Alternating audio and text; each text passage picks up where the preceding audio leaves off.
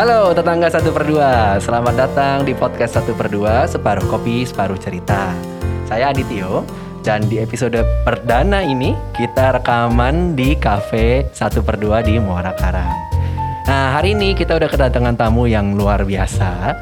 Uh, kalau gue sendiri ngelihatnya dia adalah seorang businesswoman, seorang poet, dan seorang cincila owner gitu ya. Oke, okay, mungkin uh, kita boleh introduce uh, Jessie. Hai Jessie.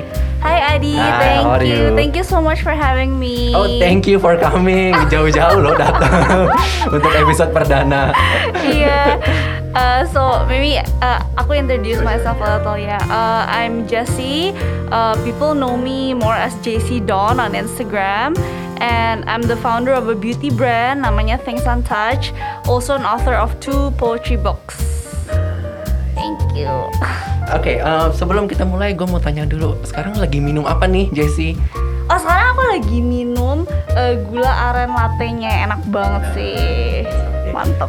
Thank you, thank you. Ini episode pertama kita masih disponsorin sama parent company kita yaitu satu per dua Coffee. Jadi uh, kan akan shameless plug ya di tengah-tengah. Oh ini LT-nya dari siapa gitu. Oke, okay, uh, let's talk about your business kali. I mean, uh, there are a lot of aspek yang gue pengen kupas sebenarnya hari ini. Cuma kita mulai dari bisnis dulu kali. So, uh, you own the brand uh, Things Untouched, right? Yeah. Uh, can you tell me more about uh, mungkin kayak the business and the product that you are selling gitu? Sure, sure. Uh, jadi Things Untouched sendiri itu um, a beauty brand that strives to simplify beauty. Jadi menyederhanakan cantik. Nah makanya dari uh, setiap produk yang kita uh, actually release itu we always have that in mind. Seperti um, produk per perdana kita adalah body tape. Jadi body tape ini an alternative to bra that wasn't there before uh, apa namanya kita brought it to Indonesia. Terus habis itu our last product was the winged eyeliner stamp. That's also the first in Indonesia. Jadi sebenarnya we want to bring the untouched gitu. That ah, will simplify beauty. Makanya namanya okay, things untouched. Things untouched. okay, so that's that's how you get the yeah. name gitu ya. Uh-huh. And you started this business sama teman-teman atau sendiri bagaimana? Um, sendiri sih. Oh, you started this on your yeah. own, benar-benar mm-hmm. sendiri ya. Oke. Okay. How did you get the idea to start this business? The idea ya, idenya sendiri um, sebenarnya ini it all started sebenarnya gak ada kepikiran kayak oh gue mau bikin beauty brand yang kayak gimana sespesifik apa tuh sebenarnya dulunya nggak ada. Jadi ceritanya adalah dulunya um, I worked at my parents company. Dan for a long time I thought that was the future that was fixed for me. Jadi I never thought that I would create something of my own. Tapi pas dijalanin kayaknya uh, I felt like I gimana ya? Kayak I wasn't really happy doing it like setiap hari. Kayak kesannya cuman kayak robot like I didn't have a bigger purpose. Makanya dari situ uh, nyari-nyari ini apa nih ya bigger purpose-nya gitu. Nah memang dari dulu aku pengen banget um, create sesuatu yang actually bisa make a good a positive social impact while also can pasti harus bisa afford my life gitu kan.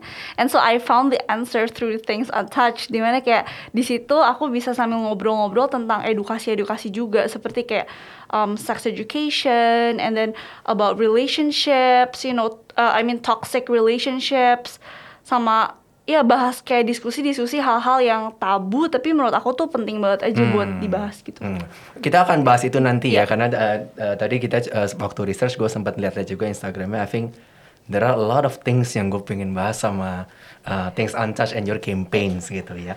Cuman uh uh, mungkin uh, I really want to know about body tape juga karena obviously uh-huh. I never wear, wear kayak yep. bra atau apa pun gitu kayak yep. um, why body tape gitu. Why body iya, tape? Iya, why ya? body tape ya? Be just because like I think that's a problem that um, kayaknya banyak banget cewek yang have been having that problem for so long, including me.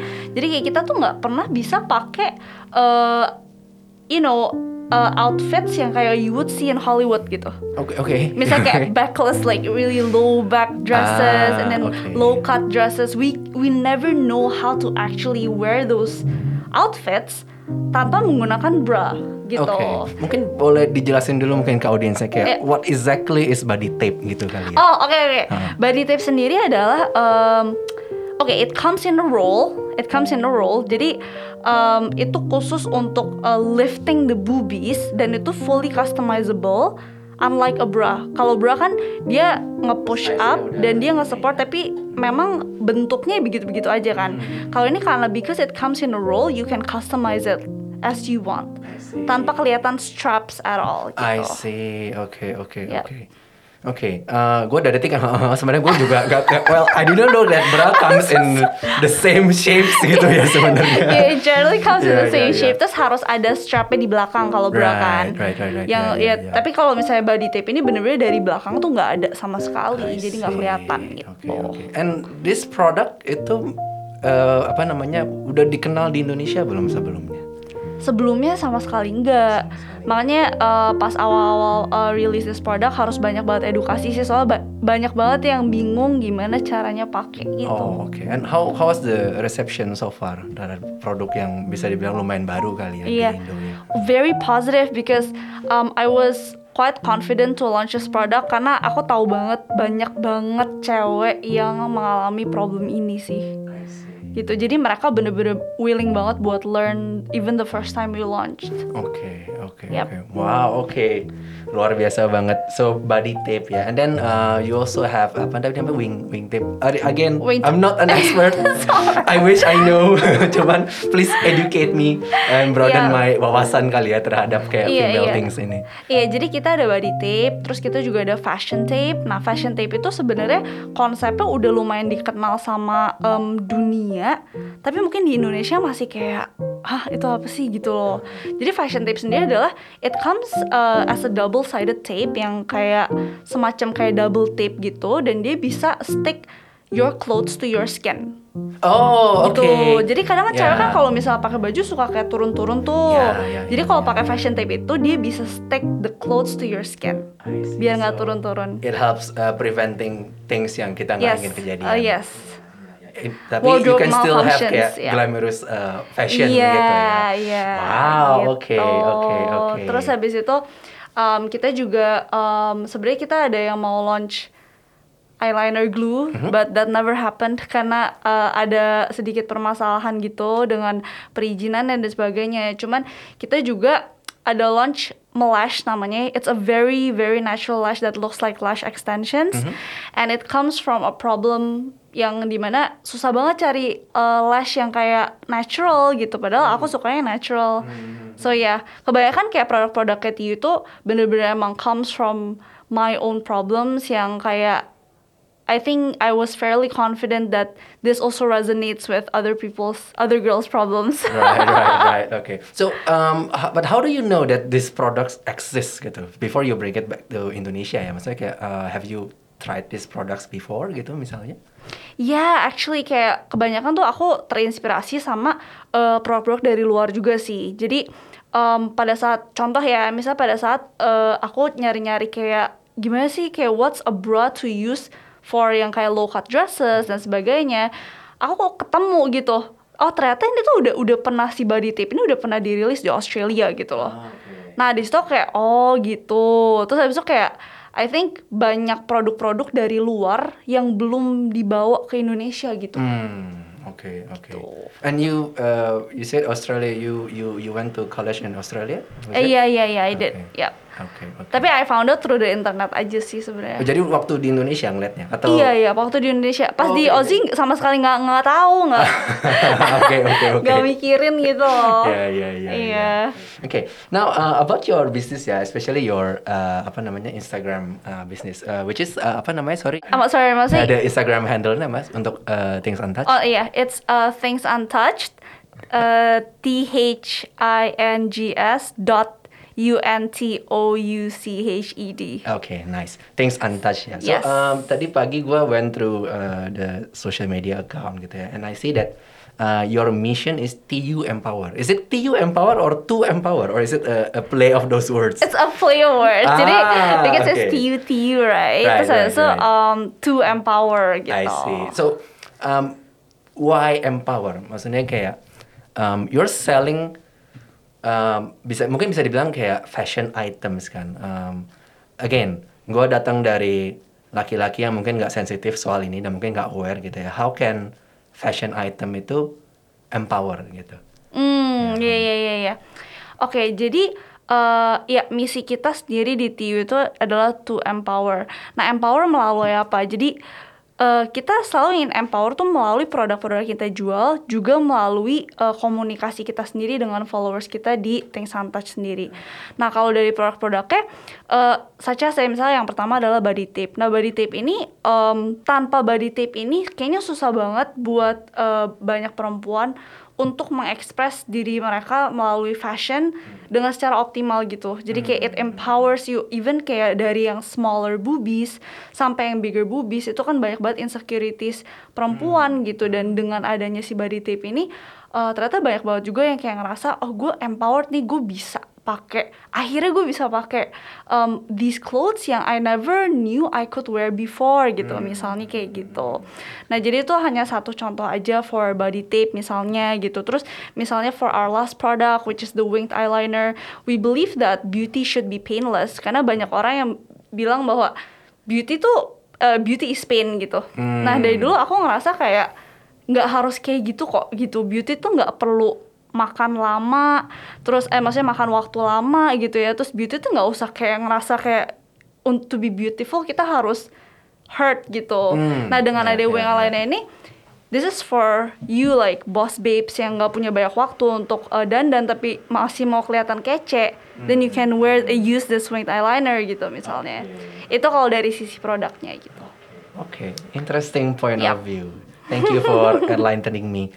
Um, Oke, um, di lagi ya di Instagramnya juga gue lihat uh, di campaign-campaignnya uh, you're um, um, mudah-mudahan ini bukan sesuatu yang uh, offensive ya, but I if I may say kayak you're using models yang mungkin nggak um, apa ya bilangnya ya, mungkin nggak classically look like model gitu. Mm, mm, mm, yes. Um, is that is that uh, a particular reason why gitu? Ya, definitely. Jadi em, sekarang itu gimana ya? Jadi oke, kalau dulu itu eh, trennya adalah eh, to use like bener-bener models yang kayak look like, eh, maksudnya yang fit into societies beauty standards yang kayak konservatif lah ya, kan. Misalnya harus kurus, terus harus bla bla bla kayak Bella Hadid gitu misalnya gitu ya kan. Tapi more and more um, karena kita juga dari misi visi kita adalah to empower. Sekarang aku reflect back, mungkin dulu Tio awal-awalnya juga uh, pakai these models gitu loh. Tapi and then as I begin to uh, maksudnya kita juga mulai komunikasi sama followers dan tahu insecurities mereka apa. Sekarang aku nanya diri aku sendiri, gimana caranya these people bisa maksudnya our online family bisa empowered. Kalau misalnya yang what they see are just like girls who are a specific kind gitu loh. Yang kayak maybe uh, sexy in the eyes of uh, media dan sebagainya they're not like you and me gitu. Nah that is why we pick these models yang enggak mungkin ya kayak normal people aja real Hmm. people real maksudnya real people dan dengan real bodies yang kita tuh semua bisa relate to gitu. Ya, ya, ya. And of course it's much more relatable ya kalau misalnya. relatable dan mungkin apa yang aku pengen sampaikan di sini adalah um, it's normal. Kayak bukan berarti maksudnya if you don't fit into what the media tells you to be that you're not acceptable. Sebenarnya acceptable acceptable aja cuman yang kita lihat tuh cuman kayak yang kayak 5% of girls in the world gitu Ya, ya, ya, ya. That's media, right? Iya, Ya, that's ya, media. ya. Uh, ini ya benar-benar emang uh, sesuai dengan missionnya to empower itu ya. I mean, um, the decision to pick these people gitu ya. That looks like kind of like you know ya ordinary people gitu ya. Yes, Maksudnya benar-benar kayak everyday people. people yang kita lihat sehari-hari. Nah, oke. Ini tadi kita udah ngomongin tentang model. Um, terus juga gue liat ada banyak banget ya campaign sih ya. Jadi uh, gue mau sentuh dari yang paling nggak sensitif dulu sampai ke yang sensitif Iya, ya campaignnya ya. Uh, I think I mean in the eyes of uh, I think general Indonesian uh, Yep. public kali ya. Um, sempet ada uh, I think kayak ada video yang lu discuss sama dokter uh, uh, dia sorry SPKK ya dia ya. Iya, Atau siapa ya? dokter Robi atau dokter Esti dokter Esti. oh dokter Dia- tentang HIV or AIDS ya Ya betul, Ya. ya. Oh, I mean, um, again, I know kayak it's about empowerment dan segala macam kayak, but why touch this subject gitu in particular? Why touch the subject of um, apa namanya STD uh, dan um, ya HIV gitu-gitu ya? Hmm, iya iya iya. Mungkin eh, oke pada saat kita eh, live itu memang sedang HIV Awareness Day. Nah, but we decided to touch on that specific subject juga karena itu sesuatu yang tabu banget di Indonesia dan gak pernah diomongin. Padahal itu tuh penting banget karena maksudnya dari em, dari aku sendiri aja maksudnya I know like some people yang kayak mereka punya STD dan itu tuh kayak di regard sebagai tabu banget padahal I think it's much more common than you think Hmm. gitu. Ya, ya, Sekarang ya. maksudnya oke, like free sex is still so hush hush in Hmm, Indonesia, but truth is like there's a lot of that going on. Dan kalau misalnya there's a lot of that going on, berarti sebenarnya lebih banyak STD, eh, lebih banyak Hmm. orang yang actually udah kontrak STD gitu loh di di di Indonesia pun gitu sekalipun. Dan um, ya jadi contoh ya ini contoh realnya banget pada saat aku setelah uh, live itu ada teman aku yang come to me dan dia dia malah jadi curhat sama aku bahwa kayak I just did this with my partner dan sebagainya I'm so scared that I would get like AIDS or HIV padahal dari yang live kita sama dokter Esti dan kita ngobrol-ngobrol research-research juga sebenarnya HIV dan AIDS itu sangat amat manageable sekarang. Iya. Nah contohnya gitu aja.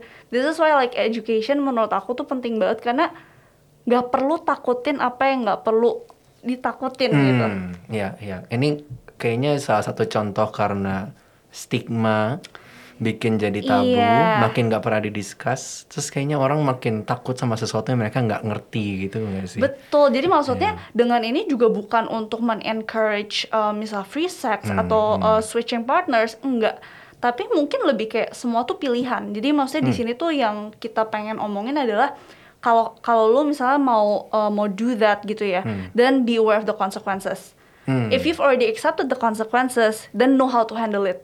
Nah, kalau misalnya nggak mau uh, deal with that consequences, jangan melakukan itu gitu loh. Yeah, Jadi yeah. semuanya bukan untuk discourage atau men-encourage, tapi lebih kayak coba yuk research dulu, Right. think about it, and then make a decision. So gitu. making informed decision yes, gitu make an ya. informed decision. Jadi bukan untuk encourage or discourage, tapi lebih kayak educate aja Ya, gitu. ya. Meanwhile, orang-orang di kita masih takut banget kayak wah anak-anak kita melakukan uh, apa yang mereka sebut sebagai pergaulan bebas gitu. Cuman kan Iya. I mean it's a biological need. Ya Iya. kan? Oke, mungkin help me help me out here kayak menurut lu aside from raising awareness, oke mungkin jangan awareness lah. Siapa sih yang bisa kita targetin awarenessnya? Is it the parents atau the children gitu? In this case mungkin the, the young people lah ya maksudnya. Hmm, iya, iya. Kayaknya lebih em, mungkin nih kalau kita ngomongin kayak our parents gitu, kayaknya memang udah nggak bisa diubah lah mindsetnya. Mungkin mereka memang udah eh, apa ya? That's the way they were raised by their parents gitu kan. Cuman eh, buat generasi kita gitu, loh, buat young people dan about to have eh, mungkin to start a family juga, mungkin I was eh, maksudnya kayak we're hoping that ini juga bisa menginspirasi bahwa eh ternyata gue tuh kalau diedukasi gue kayak gue nggak nggak bikin gue pengen coba-coba juga sih. Mungkin it's just good to know and maybe from there kita juga as future parents kita bisa tergerak untuk melakukan yang hal yang sama untuk anak-anak kita ke depannya gitu. So I think more for young people ya. Karena kayak generation our parents kan kayak nggak play Instagram and it's like they have their own set of like thinking Yeah, yeah. gitu. And then hopefully we can become kayak when it comes to this aspect kayak the parents we wish we had kali ya. Kayak Iya. parents yang bisa kita bisa open ngomongin tentang ini, tentang bahayanya STD and also like ya again tentang sexual health lah ya in, in, Iya in tentang general. sexual health. Karena kayak mau kita omongin atau nggak omongin, it exists gitu. Iya. Jadi the need, the desire itu kan ada gitu. Jadi makin nggak diomongin, makin bisa salah. benar benar benar benar agree banget Gitu. 100% nah sekarang kita menuju ke campaign yang mungkin agak di Indonesia agak lebih sensitif gitu Iya. ya Um, LGBT kali ya atau uh, I think now it's called LGBTQ Q, is it yeah. plus ada plusnya Iya. I, I don't know what the plus stands for Yep. so um, again It's a very touchy subject gitu ya. So apakah ini akan masuk ke uh, apa namanya ke podcastnya apa enggak? We'll see. But, um, uh, Oke, mungkin konteks buat uh, listener kita. Jadi di uh, salah satu model dari Things Untouched itu ada yang LGBT ya, betul ya? Yep. Why? Why? Oh ya, mungkin uh, I like we know that LGBT tuh masih kayak sensitif banget ya di Indonesia. Cuman just like sex education gitu. Kayak just like the need and the desire like for sex, the desire to know exists, tapi nggak dibahas aja. Sama dengan LGBTQ gitu. People yang kayak tidak merasa klop dengan eh, maksudnya the sex that they were assigned to nggak klop sama gender mereka. Gender meaning adalah uh, sexual identity mereka gitu ya. Itu kan exist, itu udah exist dari zaman jebot pun udah exist, tapi nggak pernah diomongin aja. And and we think that it's time to start talking about it gitu. Karena kenapa? Mereka juga manusia gitu. They deserve to be respected. They deserve um, the right to express themselves. Nah, sebenarnya balik lagi kan, karena di sini em, banyak maksudnya beliefs saya yang bilang bahwa mereka nggak ada lah, nggak mungkin maksudnya let's say Tuhan create em, kayak somebody yang kayak eh, quote unquote ya kayak gay dan sebagainya gitu. Again tuh balik lagi ke belief masing-masing. Cuman di sini kita nggak nggak nggak mau encourage atau discourage, tapi kita hanya ingin kasih tahu mungkin in a sense maybe gitu loh there is a world outside of our thinking dan mau you agree or disagree maybe we can just acknowledge it maybe kayak gitu aja sih Oke, oke. at least acknowledge it aja dan kayak misalnya respect um, their existence tanpa harus agree atau disagree gitu Oke, it's such a um, apa ya a, a point of view yang sangat humanis banget ya. Maksudnya kayak um, you're saying that at least okay you may disagree or you may agree but at least let them be is it? Iya, maksud aku gitu sih, bener banget, bener banget. Di maksudnya nggak perlu dicolek-colek gitu. Maksudnya Hmm. kayak nggak apa-apa, maksudnya nggak usah setuju kok. Cuman Right. Let them be aja. Mereka juga nggak harm anyone kan. Oke, Gitu. oke. And, uh, mungkin one thing yang gue pengen tanya ya kayak um, when it comes to your business ya, doing this LGBT campaign, Yep. is that are you facing any backlash gitu with this? Hmm, untungnya enggak sih di. Jadi ini juga something yang kita udah antisipasi sebenarnya. Ah. Maksudnya pada saat kita launch the campaign All Boobs Matter, itu kita udah antisipasi nih, pasti nih kayaknya bakal ada backlash nih. Apalagi kayak bilang uh, quote unquote kalau misalnya bahasa di sini banci dan sebagainya kayak gitu kan. Tapi enggak loh, maksudnya I'm I feel really thankful of my my followers juga sih, our followers, our online family tuh dari awal Tiu berdiri kita diskusi tentang sex ed dan sebagainya, they've been very very like sama sekali nggak ada backlash gitu loh di I'm really thankful sih. Dan sekalipun ada orang yang kayak itu banci atau gimana? gitu ya kebanyakan sorry tapi yang ngomong cowok dan mungkin nggak follow Tiu juga Hmm. jadi mereka cuman kayak ngeliat terus mereka cuman asal komen tapi malah dibully balik sama netizen so Hmm, Oke oke. So, Basically it's your crowd lah ya. gitu. Iya iya iya. On, on that, I, Gitu. uh, you mentioned a, a very specific point yang gue lumayan lumayan penasaran sih. Karena I think I've seen this pattern before. Kenapa yang komen cowok ya? I think it's as simple as like um, Instagram tuh tend to show algorithms yang kayak uh, kayak cewek-cewek seksi misalnya gitu ya. Dan kayak misalnya kita kan memang mau mempromosikan si body tape ini dan kebetulan memang di sini tuh mereka mode-mode pakai body tape doang kan. Dan kebanyakan biasanya cewek Oh, apa ya pokoknya foto-foto cewek tuh pasti nge-track cowok-cowok gitu loh. Okay, so you're saying that the the algorithm is kinda attracting people with the uh, wrong Yes. mindset gitu Iya, misalnya. Tapi untungnya nggak banyak sih di uh, Oke. surprisingly ya. Mungkin karena uh, dari setiap campaign yang kita mau launch tuh we're very careful about it sih. Jadi misalnya let's say yang kemarin All Boobs Matter itu kan uh, I know agak terbuka kan. Cuman makanya dari setiap yang agak terbuka itu harus ada justification. Kenapa kita melakukan ini gitu? Not just buat ngejar viral atau ngejar tren atau ngejar hype tapi lebih kayak ya gue mau ny- nyampein message gitu. Jadi ada aja dia ada aja yang bilang kayak tapi kan nggak perlu dong kayak eh, sampai kayak kebuka-buka gitu dan sebagainya. Tapi dari pandangan kita kalau nggak kebuka gitu ya dan cuman kata-kata apalah kata-kata kalau misalnya nggak bisa ngelihat gitu. Because um, storytelling itu nggak cuman dari kata-kata tapi dari visual juga kayak gitu Oke, kata orang yang lagi ngomong podcast. iya Ya, Oke, iya. but, but I get your point. I get your point. Gitu. Um, Oke, so so you truly believe uh, ketika lu ngejalan sebuah campaign yang sifatnya mungkin lebih kayak um, ya mungkin bisa bilang kayak educating the public gitu Iya. ya kayak you truly believe the cause.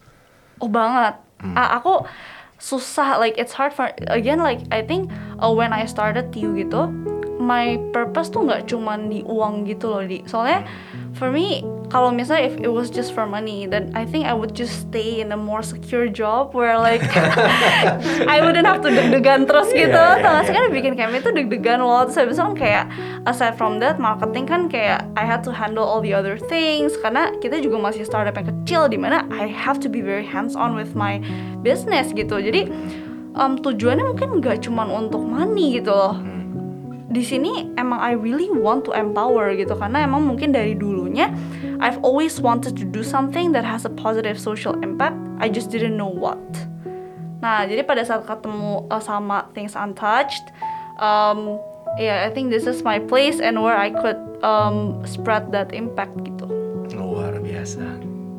Wow. Gitu. Gue nggak bisa nggak bisa apa memberikan reaksi yang appropriate secara uh, audio jadi nanti mungkin gue tambahin suara applause atau apalah ya. oh actually we do have it. Is it this one? I think it's this one. Hey, it's an applause. okay. Um, so uh, let's go back to your business ya for Yeah. a while. Um, so you mentioned kayak tadinya lu mau ada uh, produk baru yang mau launching, and then you have uh, challenges dengan produk itu. betul. Mungkin uh, can you share a little bit? Again, this is you as a, your capacity as a businesswoman gitu Yeah, ya. betul. Uh, can you uh, share with us a bit? uh, mungkin perjalanan lu bikin Things Untouched ini kayak challengesnya tuh apa aja sih? gitu? challengesnya Iya. ya oh challengesnya sebenarnya ba- banyak banget sih. Maksudnya itu pun maksudnya oke kadang tuh apa ya challenges tuh kayak scattered gitu loh di. Hmm, jadi kayak ada di sini ada di situ ada di sini ada di situ. I just can't imagine what um, another business yang udah lebih gede itu is facing. Karena pasti the bigger you are the bigger the challenges kan. Nah challengesnya untuk kita Oke, first of all, since kita masih small business, aku masih harus hands on banget kan. Nah, jadi untuk si social media ini, ini tuh challenge banget untuk mendelegasikan ke seseorang yang actually bisa satu suara sama aku. Sama Tiu. Karena since kita sering banget diskusi tentang hal-hal ini, sebenarnya aku perlu seseorang yang juga percaya akan kos ini karena yang menjiwai gitu nggak cuman dari kata-kata. Karena kita nggak mau jadi eh, apa sih brand robot ya. Kayak like you're talking to a machine gitu. Nah terus kedua product development juga challenge banget. Karena di sini kan kita masih bootstrapping, di mana bootstrapping itu ya eh, aku masih pakai uang sendiri gitu loh, nggak nggak ada in- apa investor outside investor dan sebagainya. Jadi with this limited um, budget kita mesti cari eh, gimana caranya ngedevelop produk ini secara seefisien mungkin dan seefektif mungkin. Nah itu kan juga harus mikirin em, strateginya dan sebagainya. Dan juga salah satu yang paling besar adalah perizinan ini sih. Jadi I think that was one of the most stressful times of my life, like not just my entrepreneurial journey, tapi of my life. Karena um, personally itu produknya juga benar-benar um, dari kantong aku pribadi dan I didn't have a lot of money, so like that was really tough on me. Nah mungkin gimana ya? Mungkin be- uh, beberapa teman-teman di sini mungkin yang udah follow Tiu maybe uh, kalian tahu that uh, kita tuh tadinya mau nge-launch eyeliner glue gitu. I think it's already public. Nah tapi kita nggak jadi kenapa? Karena uh, ceritanya nih kita memang impor sendiri dan kita ngurusin izin sendiri. Nah ternyata tuh tidak semudah itu. Ternyata banyak banget paperwork yang kita harus uh, harus apa persiapkan dan juga suppliernya juga nggak experience. Nah itu semua bener-bener it was an expensive lesson. Gitu. Mungkin ada beberapa orang yang buat uh, apa sih launch tanpa BPOM tapi kita nggak mau. Jadi kita bener-bener kalau misalnya launch something memang harus sertifikatnya dan sebagainya itu udah lengkap gitu so yeah I think that was one of the most stressful times uh, because um, we didn't have a lot of dana dan juga dana kita tuh banyak yang uh, hilang di situ I see. Gitu. Okay. So actually that answer my next question which is the biggest lesson that you've learned. Mm. So ini ya ternyata perizinan kayaknya hal yang kelihatannya remeh tapi ternyata make or break dari sebuah produk di launch apa enggak ya. Iya, iya bener banget. Nih. Mungkin mungkin kalau bagi perusahaan yang udah lumayan besar, bagi mereka ya udah maksudnya mau gimana gitu kan. Mungkin they can find a way through it karena udah ada koneksi juga dan sebagainya. Cuman yes I mean it could make or break a product. Such as misalnya let's say um, I know somebody yang kayak udah masukin produk makanannya uh, ke supermarket lalu tiba-tiba digebrak sama Bepom akhirnya uh, oke bisa bayar tapi bayarannya juga jadi nggak worth it untuk barang-barang yang dia jual akhirnya ya tutup gitu. Iya, so yes perizinan bisa break or break a product. Oke, so to Yeah. those expiring uh, entrepreneurs yang mau impor, please do check the regulations ya Yes. before you start doing ini ya. Oh ya dan regulation ganti-ganti ya di. I think Ah. pasti kayak Adi juga familiar yeah, with yeah, it. Yeah, yeah, yeah. That's a that's a expensive uh, experience. Ya, Yes. ya. Oke. True. Oke, so um, mungkin yang terakhir tentang bisnis ya. Uh, so what's next for Things Untouched? What's next ya? Ya. Definitely kita mau develop more products that simplify beauty dan yang bakalan bikin gebrakan di industri kecantikan di Indonesia dan um, pastinya more campaigns yang touch on subjects yang relatable banget tapi jarang dibahas. Luar biasa Jessie. Oke, uh, we are going to take a break for a while sebelum kita lanjut ngomongin yang lain-lain. So uh, thank you so much guys for listening. Uh, and yeah, uh, we'll see you in a minute or two. Tetangga satu per dua, terima kasih karena Anda telah mendengarkan bagian pertama dari interview dengan Jessie. Podcast ini direkam di satu per dua Cafe yang terletak di Inner Circle Muara Karang. Buat kamu yang tertarik untuk mengisi podcast ini, kirimkan profil kamu ke hi at 1 per 2.id atau kirim message ke Instagram kami 1 per 2.id. Masih banyak hal seru yang akan kita bahas bareng Jessie, jadi nantikan episode berikutnya dari podcast 1 per 2. 1 per 2 Cafe, separuh kopi, separuh cerita.